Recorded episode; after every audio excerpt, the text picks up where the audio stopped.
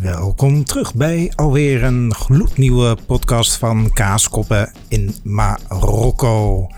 Uh, het is alweer tijd voor nummertje 6 en vandaag gaan we het hebben over onderwijs en opvoeding. Niet waar Willemijn? Inderdaad, Marco, dat was een fantastisch idee van je vorige keer. We hebben het gehad over de sociale uh, controle in het land. Daar hebben we alle twee ervaringen mee. Um, ik vond het wat benauwdender, jij vond het wat mooier. Um, en um, daaruit zijn we voortgegaan en zei jij uh, op het laatst. Maar wie bepaalt wat goed is, wat niet goed is? Wie corrigeert, wie leidt op? Vandaar dat we hebben gezegd, um, deze week gaan we het inderdaad hebben over het onderwijs uh, in Marokko. Mijn naam is Willemijn de Koning, Marco Kranenburg, uh, je bent er ook weer bij. Zeker. En onder, onderwijs is dus het onderwerp van vandaag. Misschien moeten we eerst even uitleggen hoe dat onderwijs in zijn werk gaat. Toch? Dat lijkt me interessant. Precies, want het is namelijk niet zoals um, in Nederland. Uh, wel een basisschool, daar begin je mee, maar geen acht groepen, maar maar zes. En daarna heb je nog drie groepen. Dus het is een soort van basisschool gedeeld door twee of zo, als je het met Nederland wil uh, vergelijken. Dan heb je de middelbare school. Um, en de laatste twee jaren daarvan, het zijn drie jaar, middelbare school, de laatste twee jaren daarvan noemen ze baccalaureaat. Dus dat He, ik, ik, verwar, uh, ik verwar het vaak met bachelor, is dus niet hetzelfde. Daarna mag je naar de Unie. Maar alleen als je goed genoeg bent. Dus je gaat naar de basisschool, de eerste zes groepen. Mm -hmm. En dan ga je naar uh, het vervolgonderwijs. Mag ik het zo noemen? Ja, ik noem het twee basisschool. Premier uh, Likkel, deuxième Likkel. Mm -hmm, ja, en dan is er inderdaad uh, een middelbare school.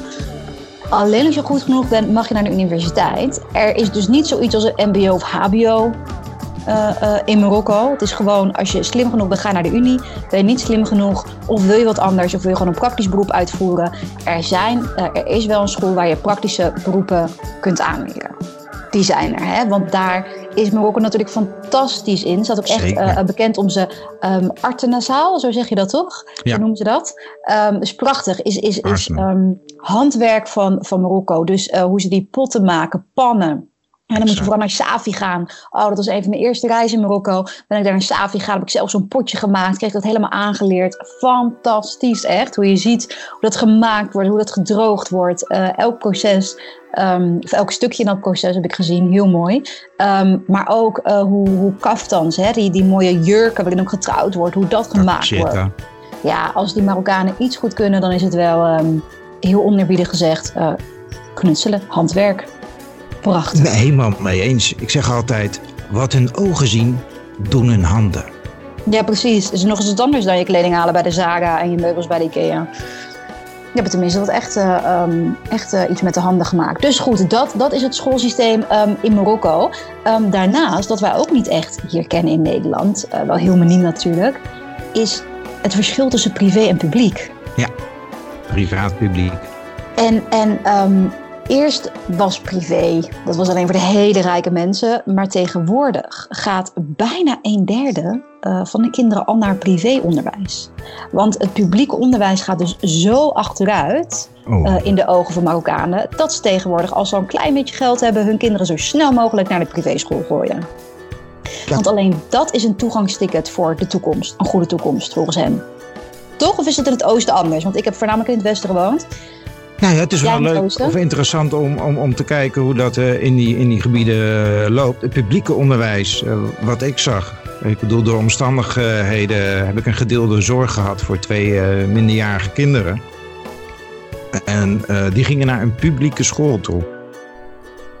En wat mij dat is een hele grote klas, hè? een heel leeg gebouw, weinig lesmateriaal wat ik begrepen heb, toch? Ja, want je moet alles zelf aanschaffen. Ik bedoel, er al een rugtasje en een, een, een, een boek en een pennetje, een lineaal. Alles moet je natuurlijk zelf gaan aanschaffen. Nou, één, zij hadden het geld niet. Dus dat is wat ik jaarlijks deed. Zorgen dat ze een rugtas kregen met alle schoolspullen erin. Zodat ze naar uh, school toe konden gaan. En onderwijs konden volgen. En twee, wat mij opviel, omdat ik daar ook wel eens voor langere tijd zat. Er wordt in shifts gedraaid. Dus in shifts, uh, daar bedoel ik mee te zeggen dat er een groep is van 8 uur s ochtends tot 10 uur. En groep 2 komt van 10 tot 12. En dat riedeltje wordt dan smiddags nog een keer herhaald tot 4 uur. Heel apart. In, in Rabat heb ik daar nog niet uh, van gehoord. Maar ik heb natuurlijk ook niet andere alle kinderen van Rabat of Casablanca gesproken. maar dat is heel apart. Wat, ik, wat voor, mij, voor mij echt is bijgebleven, is dat ze gingen allemaal in een uniform. Hè, dat zie je vooral in die, want ik heb heel veel gereisd in Marokko. Dus ik kom ook mhm. buiten die grote de witte, steden. De witte, blauwe schortjes. Ja, dan zie je ze allemaal en lopen. Hè? Want heel veel hebben gewoon geen geld voor uh, een fiets. Een fiets is sowieso niet echt uh, um, een regulier vervoersmiddel daar. Of de auto. Um, dus allemaal lopen, soms een uur. En dan zie je gewoon hele legertjes kinderen met die witte uniformpjes zo lopen. Um, en dan smiddags tussen vier en zes ergens terugkomen ja, dat zijn die publieke scholen. En um, wat ik heb begrepen, wat daar binnen de muren zich afspeelt, uh, dat is echt heel kaal inderdaad. Kale muren, kale tafeltjes. Inderdaad, ouders moeten zelf maar um, alle benodigdheden uh, verschaffen. Um, en met z'n allen die leraar maar natetteren. Het is niet zoals hier interactief onderwijs van pak je boek, nee, een opdracht nee. maken. Nee, nee er dat... wordt gewoon een Arabische zin uh, uh, opgelezen door die leraar. En die kindertjes moeten dat met z'n allen gaan herhalen. Of ze het nou wel of niet snappen wat ze zeggen, maakt niet uit. Als het maar uit je mond komt, als je maar meedoet. Orde en structuur. Dat, dat, dat, dat viel mij uh, heel veel uh, op tijdens uh, studiereizen, welke ik deed met docenten. Dat is ook op school bezoeken. In dit geval kwamen wel publieke scholen. En dan is het gelijk dat ze eigenlijk een beetje, ja, ik wil niet zeggen militaristisch, maar dat er achter een bureau, achter een stoel werd gestaan en echt heel netjes uh, bonjour, goedemorgen werd gezegd. En op het moment dat het signaal werd gegeven, mocht je gaan zitten. Nou ja, ik vind het een mooie vergelijking die je maakt, net als militairen. Ja hoor, dat is het precies zo. Ik heb ook begrepen, zelfs de universiteit, ja. wie, wie, publieke universiteiten zijn trouwens gratis. Vind ik, vind ik heel mooi in Marokko. Uh, maar wat ik daar begreep is dat, dat je geen ruimte krijgt om vragen te stellen. De leraar vraagt niet, wie heeft er vragen? Of snappen jullie het allemaal? Het is eenrichtingsverkeer. En dat vind ik heel mooi dat jij nou net even zei, bonjour. Want dat is me ook een, een apart fenomeen. Um, Marokko is een land met verschillende bevolkingsgroepen. Um, je kan een beetje zeggen Arabisch-talige, uh, Berbers-talige. Um, dus er wordt Arabisch gesproken en Berbers. Maar tegelijkertijd uh, is het geanalyseerd door Spanje en Frankrijk. Dus is de taal van de administratie, de elite. Um, ook als je een sollicitatiegesprek wilt voeren, als je een beetje verder wilt komen in je leven, dan is het eigenlijk Frans. Um, en heel miniem nog uh, Spaans in het noorden, waar uh, Spanje de overheerser ooit was. Um, maar voornamelijk toch gewoon Frans. En dat is wel apart. Daar heb ik hele schijnende verhalen over gemaakt. Ik heb hele schijnende dingen over gehoord. Je moet je voorstellen, kindjes op het platteland die um, leren, die krijgen van hun moeder een moedertaal mee. Mm meestal Berber zijn ook nog uh, drie varianten in. Um, bijvoorbeeld die leren um, Rifijns uh, in het noorden, in de Rif. Die gaan naar school en vervolgens gaat de leraar als eerst, moet je je voorstellen, je bent vier of vijf jaar. Mhm. Dan zit je daar, je, je, je, hebt nog nooit echt klassiek Arabisch gehoord en hij begint opeens klassiek Arabisch te praten en jij moet dat na gaan praten. En in Rabat gebeurt dat vooral op de privéscholen in het Frans. En, wat, ik weet niet of jij dat uh, tijdens jouw reizen ook hebt meegemaakt. Um, we hebben het nu natuurlijk uh, hoofdzakelijk over de, de grote steden. maar als ik, toen ik in het zuiden was bijvoorbeeld, waar ik veel zat, dan kom je natuurlijk veel meer in, in die Halfa-steppengebieden, een beetje woestijnachtig. Daar heb je ook kleine schooltjes staan, maar die hebben een bereik van 30 kilometer. Dus er zijn soms kinderen die 30 kilometer moeten gaan afleggen mhm. om op school te komen. Er zijn gewoon veel te weinig scholen. Er zijn veel te weinig scholen. Um, nou zijn ze wel bezig om dat te verhogen. Hè? Ze hebben wel in de gaten gekregen de laatste jaren uh, de ministers en de politici dat dit niet zo kan. Onderwijs uh, is echt een belangrijk uh, um, facet van, van de samenleving. Onderwijs hè, biedt toekomst aan kinderen. Dus ze zijn echt bezig meer scholen um, te introduceren. Dat is goed, maar er zijn er nog steeds veel te weinig. Maar de Chinezen hebben daar een kleine oplossing gevo voor gevonden hoor. Voor die 30 kilometer. Oh ja, be be bemoeien ze zich tegenwoordig ook alweer met scholen? Ongelooflijk, toen ik daar in het veld bezig was, viel ons allemaal één ding op. Ze kwamen op de fiets.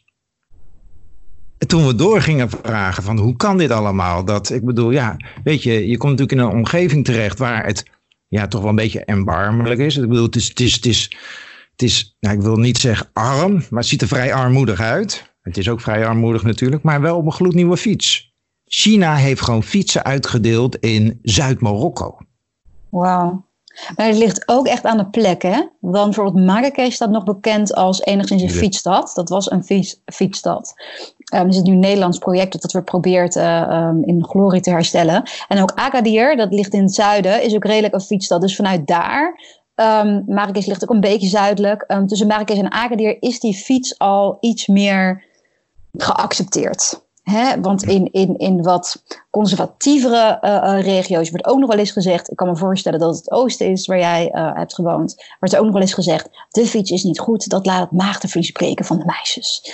Het, oh, die had ik nog niet gehoord. Ja, dat wordt in die hele conservatieve regio's. Um, wordt dat nog um, wel eens gedacht. Godzijdank niet meer overal. Maar ik ben blij te horen dat in elk geval tussen Agadir en Marrakesh of in het zuiden ja, dat, nou, daar heb ik het echt over. Wordt. Kleine schooltjes, dat zijn twee lokalen. En dan praat ik echt meer in het woestijngebied, dus buiten de grote steden. Nou, dat is mm -hmm. hoogstens twee lokalen en elke klas zitten dan uh, drie groepen. En er zitten ongeveer... Enorm grote klassen, hè? Enorm grote klassen, uh, heel weinig docenten. Maar de mensen die we daar hebben ontmoet, oh wat een super mooie mensen. Die, ja, die begrepen het in mijn uh, opinie. Ja, maar je moet ook wel als leraar uh, verschrikkelijk veel over hebben voor je studenten en verschrikkelijk veel begrip hebben. Want je kan niet goed onderwijs bieden als leraar daar. Nee. En ik heb laatst nog een documentaire gezien, of laatst, een paar jaar geleden, op het uh, IFR. Um, over inderdaad zo'n schooltje in een Berberse regio, een beetje in het zuiden. Waar een leraar inderdaad um, de opdracht kreeg om, zoals alle leraren, in het Arabisch les te geven. Klassiek Arabisch, hè? Um, want in het Westen uh, is de moedertaal van heel veel kinderen uh, Marokkaans-Arabisch, maar dat is toch behoorlijk anders.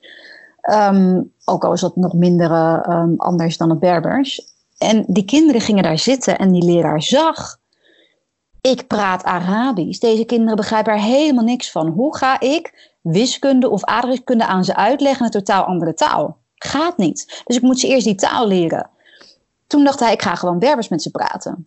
Toen kwam er zo'n toezichthouder langs van het ministerie, die dan langskomt en gaat kijken of je inderdaad volgens de regels lesgeeft. En toen werd inderdaad gezegd: nee, je moet aan het Arabisch lesgeven. Nu, de laatste jaren, wordt het veranderd. Hè? Emmezicht, dus het Berbers, um, is nu erkend als officiële taal. En er wordt nu exact. aangewerkt om dat op bepaalde scholen. Um, het wordt nu als vak gegeven, maar om dat ook echt mogelijk te maken dat op die basisscholen kinderen dat ook al krijgen. Maar het is nog lang niet overal doorgevoerd. En um, op heel veel scholen heerst nog steeds het idee, heel veel ministeries heerst nog steeds het idee dat je in klassiek Arabisch moet lesgeven. Dus die leraar, je zag die worsteling, hij was ook wat jij net aangeeft, zo'n mooi mens, heel veel geduld moet je hebben als leraar. Want anders uh, uh, verlies je de hoop gewoon. Die wilde echt die kinderen een goede toekomst meegeven. Maar je zag die struggling in zijn ogen van hoe ga ik dit doen? Hij was aan het schipperen tussen de regels van het ministerie en de behoeftes van die kinderen. En dat mm-hmm. lijkt me een enorm gevecht. En ik hoop echt, ik ben heel blij dat, dat, dat de overheid in elk geval in de gaten heeft hoe belangrijk educatie is. Dat er meer scholen, kleinere klassen, uh, dat dat allemaal nodig is. Uh, deel van het onderwijs in een moedertaal. Maar het is er nog lang niet. En ik hoop dat ze daar heel snel gaan komen. Ja, en we hebben het natuurlijk uh, nu over onderwijs, maar opvoeding zit daar natuurlijk ook wel uh, enorm uh, in gebakken. Ik vertelde ja, je. precies, de... dat is goed om, om inderdaad te zeggen. Dat onderwijs is niet wat wij zien als onderwijs. Onderwijs is in Marokko ook opvoeding. Ja. ja. Wat jij in de vorige aflevering zei, hè? De, de kinderen worden gewoon naar buiten geschopt als ze het niet goed doen. Want op straat en op school, daar worden ze wel opgevoed.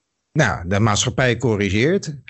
En uh, wat ik op school uh, terugzag, dat was met name natuurlijk die twee kinderen waar ik het er net over had, is dat ik bepaalde gedragingen thuis opmerkte die door ons nooit waren aangeleerd, maar wel vanuit school kwamen. Dus ik bedoel, op een, gegeven moment stond de kleine voor de deur en die keek naar boven toe en die zei salam alaikum bismillah en toen ging hij pas naar binnen toe.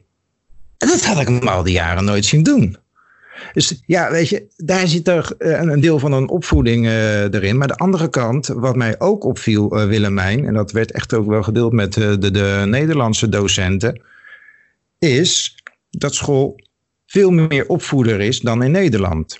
bijvoorbeeld. Ja, in Nederland is school degene die uh, feitjes leert. Of, of hè, wiskunde, Daar wordt les gegeven. Daar wordt gewoon echt les gegeven. Ehm, maar naar school gaan, ik bedoel, de ouders komen veelal niet verder dan de poort van de school. Daar staat de directeur vaak, hè, monsieur de directeur, eh, de, de, papa van de school. En de ouders die brengen eigenlijk de kinderen naar school met het idee: hier heb je mijn kinderen en u bent nu verder verantwoordelijk voor de opvoeding. Ja, en ik denk dat dat ook een van de redenen is dat hier in Nederland er veel gezinnen zijn uh, waarbij die integratie niet helemaal uh, top is gegaan. Omdat die ouders gewoon gewend zijn van nou, dat, die kinderen worden op school opgevoed. En um, op school dachten die leraren, hey, waarom um, wordt Ahmed thuis niet opgevoed? Waarom gedraagt hij zich zo? Um, en vervolgens voelt hij zich tussen twee soorten maatschappijen in staan. Ik denk dat dat zeker bij heeft gedragen aan, aan, aan de, niet, niet het grote succes uh, van de integratie hier van een aantal uh, Marokkaanse nou, gezinnen. Exact. Ik bedoel, uh, onderstreep ik dubbel. Want ik bedoel, ja, onderwijs, maatschappij corrigeert. Maar in Nederland vertaalt zich dit naar, naar opvangen. En ik bedoel, wat jij aangeeft, ze leven al in twee werelddelen. Nou, en met ze bedoel ik vaak jongeren met een migrantenachtergrond, in dit geval de Marokkanen. Als jij met datzelfde idee hier je kinderen naar school toe brengt. Met u bent nu verantwoordelijk voor de opvoeding. Ik hoor trouwens even bij de w hoor, van de Nederlandse scholen ook vaak terug. Dat kinderen vaak van de ene school naar de andere school toe gaan. Onder de mom verhuizen. Terwijl er niet verhui uh, wordt verhuisd. Jo, en waarom dan? Nou, het uh, excuus zit hem erin dat ze de ouders vaak de kinderen niet terug herkennen. De school is per definitie niet goed. Ah ja, ja de schuld ligt altijd bij een ander. Dat uh, zie ik ook terug in heel veel uh, Marokkaanse gezinnen, helaas. Ja, maar ja, goed, als je niet anders weet, kijk, in de tijd dat die arbeidsmigranten hier in Nederland kwamen, um, Nederland had geen inburgeringscursus. Dus ja, uh, die ouders dat weten niet. Dat is nog een leuk onderwerp. Ja, die ouders weten niet beter dan uh, wat er uh, gewoon gebeurt in Marokko. Dus ja, kwalijk nemen kan je het natuurlijk niet. Maar dat is wel een van de redenen. Goed, we hebben hier bijna weer een nieuw onderwerp te pakken. We gaan lekker zo. Ja, en het krijtbordje, dat, dat is ons echt zo bijgebleven dat die uh, nog op een aantal scholen uh, veelvuldig wordt gebruikt. Nou, dat is misschien ook wel het, het grote verschil uh, tussen privé en publiek. Um, in publiek zijn die omstandigheden er natuurlijk wel naar, maar in privé um, heb ik ook wel gezien dat al het krijtbord is vervangen door zo'n mooie wit bord. Um, maar goed. Dat, maar dat ik heb het over die kleine krijtbordjes. De kinderen uh, weet het, die zaten ah, echt ja, met een krijtbordje op school. Ja. Om, om even eventjes, niet te veel af te wijken, maar ik, bedoel, ik heb toen uh, ooit mijn, uh, mijn schoonmoeder hier in, in Nederland gehad. En ik bedoel, er kwam een trein aangereden en ik zeg, joh, dat is de trein, we gaan nu instappen. En zij zegt tegen mij, dat is geen trein. En we kregen wel eens niet eens verhaal van dat is wel of geen trein. Dus ik vroeg haar van waarom is het dan geen trein? Als zegt ze, joh, heb je een krijtbordje voor me? Ik zei nee, maar wel een schrift met een pen. En ze ging tekenen. Ze ging tekenen, een streep en nog een streep met twee wieltjes erop. En daarop werd een huisje gebouwd met een schoorsteen. Daar kwam rook uit. En hij zegt toet toet. Zeg, Wat? Toet toet, tjoek tjoek. Ja? Nou, deze trein zei geen tjoek tjoek. Ongelooflijk. En maar dat, dat, dat werd via dat krijtbordje dan uh, heel netjes uh, uitgelegd. En, en, dit is nog hoe kinderen in het begin onderwezen worden, dus als ze jong zijn. Mhm. Um, maar door de gebreken in het onderwijs, uh, taal, um, um, we noemen ze allemaal op, hè, uh, te, weinig, te weinig aandacht voor de leerlingen, want de klassen zijn te groot, uh, scholen die te ver weg zijn, noem maar op. Heel vaak halen ze daardoor gewoon de universiteit niet. Terwijl als ze de goede mhm. omstandigheden hadden gehad, het goede onderwijs, waren ze wel slim genoeg geweest, hadden ze wel of slim genoeg geweest, ze zijn slim genoeg, maar hadden ze dat kunnen ontwikkelen totdat ze tot die universiteit kunnen komen. Maar ook al hebben ze zich zo ontwikkeld dat ze tot die universiteit komen, heb je daar het volgende probleem. Heb je tot je, wat is het, 16, 17e, zoveel moeite gedaan om dat klassieke Arabisch onder de knie te krijgen, is dat je eindelijk gelukt, ga naar de universiteit. Er zijn bijna alle, niet allemaal, maar bijna alle studies in het Frans. Mag je weer opnieuw beginnen. Tuurlijk spreken ze uh, redelijk Frans, want dat krijgen ze wel op de, school, op de scholen. Maar het is wel even wat anders omdat jij net uh, een, een basic gesprekje aan kan in het Frans. Of dat jij hele colleges moet gaan volgen in het Frans. Mm. Volgende uitdaging. Dit is echt. Dan ben je uiteindelijk in de universiteit. Heb je um, een bachelor gedaan, ga je master doen. En dan heb je zo'n onderzoek. Toch moet je afstuderen. En dat doen wij ook, noemen wij een scriptie.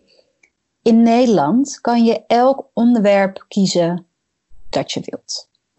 Ehm, de, de, gekste dingen als je maar een soort van uh, bedrijf hebt dat zich daarbij aansluit. In Marokko zet dat maar uit je hoofd. Ik heb um, een aantal um, studenten leren kennen die allemaal aangaven van uh, of de leraar uh, mocht mij gewoon niet, dus die uh, weigerde al die onderwerpen. Zo gaat het ook. Hè? Of um, het onderwerp was eerst goedgekeurd, maar later toch niet meer, want het ging niet goed. of ze wilden bijvoorbeeld een onderwerp doen over gevoelige facetten, hè? immigratie, sociale protesten. De meeste leraren zeiden gewoon: doe maar niet. Dan krijg ik gezeik met de school gezeik met de overheid. Doe gewoon maar niet. Dus er zijn gewoon heel veel onderwerpen waar niet goed een onderzoek naar gedaan wordt. Heel veel um, facetten in de samenleving waar studenten zich niet mee bezig kunnen houden. Want te gevaarlijk, te gevoelig. Dus zo zijn er heel weinig, bijna geen onderzoeken gedaan door studenten uh, als afstuderen uh, naar sociale protesten of het Koningshuis of alle andere rode lijnen die het land heeft, waar je vooral verder niet meer in verdiepen. Dat vond ik toch wel een zodanige um, beperking van het onderwijs. Daar viel de eerste keren dat ik dat hoorde toch echt wel mijn uh, mond van open. En alsof dat nog niet genoeg was, um, kreeg ik ook de volgende verhalen, voornamelijk van vrouwenstudenten natuurlijk. Hadden ze eindelijk een veilig onderwerp uitgekozen. Was hun begeleider een mannelijke leraar? Oké. Okay die af en toe tijdens het begeleiden een hand op de kont of de heupen legde of uh, seksuele opmerkingen maakte. En opnieuw, want je mag natuurlijk niet ingaan tegen de, um, uh, tegen de begeleider. Dat mag niet als student. Je mag geen vragen stellen, niet er tegen ingaan. Je moet alleen maar uh, leidzaam volgen. Um, dus er zit niks anders op dan de hele scriptie te stoppen. Over de stap op een nieuw begeleider, nieuw onderwerp en weer opnieuw te beginnen. En zo zijn sommige studenten alleen omdat ze het niet kunnen vinden met de leraar of eigenlijk een ander onderwerp uh, willen bestuderen of gewoon een knap gezicht hebben, zijn ze soms drie jaar bezig om überhaupt af te studeren. Wauw, ja, zo. Ja, nou heb ik, krijg ik opeens een, een, een, een, een nog even een beeld. Want ik, ik heb dat jongetje natuurlijk uh, net uh, aangehaald. Maar zijn zusje bijvoorbeeld, die ging naar de basisschool. En die heeft dat stuk waar jij het over had nog helemaal niet gehaald. En bij dat tweede, of het uh, stap, die drie jaar, de, de, ja. secundaire school. Daar, als je al twee keer blijft zitten, wordt het onderwijs niet meer voor je betaald. Dus en het dus ook niet naar de universiteit. Nee, dus als je ouders ook geen geld hebben of wat dan ook, is het verhaal gewoon voor je afgelopen. Ben je 16 jaar rijp om te trouwen. Ja, dat is het helaas wel. Ja. Trouwen wordt daar wel gezien als een financieel redmiddel bijna. Ja. Ik denk dat we wel konden concluderen um, dat wij enorm boven um, met het onderwijs in Nederland. Dat we daar heel erg blij mee moeten gaan zijn. En um, ik hoop echt van harte dat Marokko goede stappen zet. Ze zijn, ze zijn al goed bezig, maar dat moet veel sneller en veel harder om die jongeren uh, van Marokko echt een goede toekomst te bieden. Want op dit moment uh, denkt de meerderheid van de Marokkaanse ouders nog steeds... Als, als we onze kinderen alleen maar op een privéschool zetten... Frans leren, kunnen ze vervolgens op een universiteit in Frankrijk gaan studeren. Um, en mm. dan komt het wel goed. Maar hier in Marokko is er geen kans op goed onderwijs. Dus geen kans op goede toekomst. Heb je geld? Kan een hoop. Is er geen geld? Dan zijn je kansen beperkt. Precies. Dus ik, ik hoop van harte dat dat, dat, dat um, verbeterd gaat worden. En um, voor nu knijp ik gewoon in mijn handjes met het mooie onderwijs hier in Nederland. Met in mijn achterhoofd zeg ik er toch stiekem bij de mooiste school vind ik toch die praktijkschooltjes uh, waar je het er net over had. Uh, van de, die vallen onder de Fondation Mohammed Senk. Waarin, uh, van de koning, ja. Ja, waarin jongeren gewoon hun ambacht kunnen leren Echt, dat vind ik het mooiste systeem in, in het gebouw. Dus je had het net over kaftans, tachetas, houtbewerking, mozaïek, uh, uh, noem je dat, koperbewerking. Mm Alles wordt daar gedaan. Dus je kan daar een vak leren. Als de meester zegt, hè, dus de vakmeester, jij beheerst het, kan je vervolgens door naar het volgende loket gaan. Daar kan je een, uh, leer je, leert men jou een ondernemersplan maken. Ze helpen je daarbij. Is het ondernemersplan klaar, kan je door naar loket 3 binnen hetzelfde gebouw voor een microkrediet. Nou, en mede daardoor heeft Marokko dus um, zoveel uh, goedlopende winkeltjes waar handwerk wordt verkocht. Dus als ze dat model nou ook loslaten uh, op de nieuwe ingenieurs, filosofen, leraren, um, ontdekkers, advocaten uh, van Marokko, dan gaat het helemaal goed komen. Een gratis tip van Willemijn en Marco. Hier moet je het dan eventjes um, mee doen um, voor deze week. wij zien jou volgende week weer terug. Of jullie horen ons volgende week weer terug, moet ik zeggen. Met onze laatste uh, podcast voordat we uh, op zomerreces gaan. En uh, iedereen door de versoepelende coronamaatregelen eindelijk weer een wijntje mag gaan drinken op het terras. dus we gaan er wat speciaals van maken volgende week. Vind je niet? We, maken zeker weten een speciale mooie podcast ervan.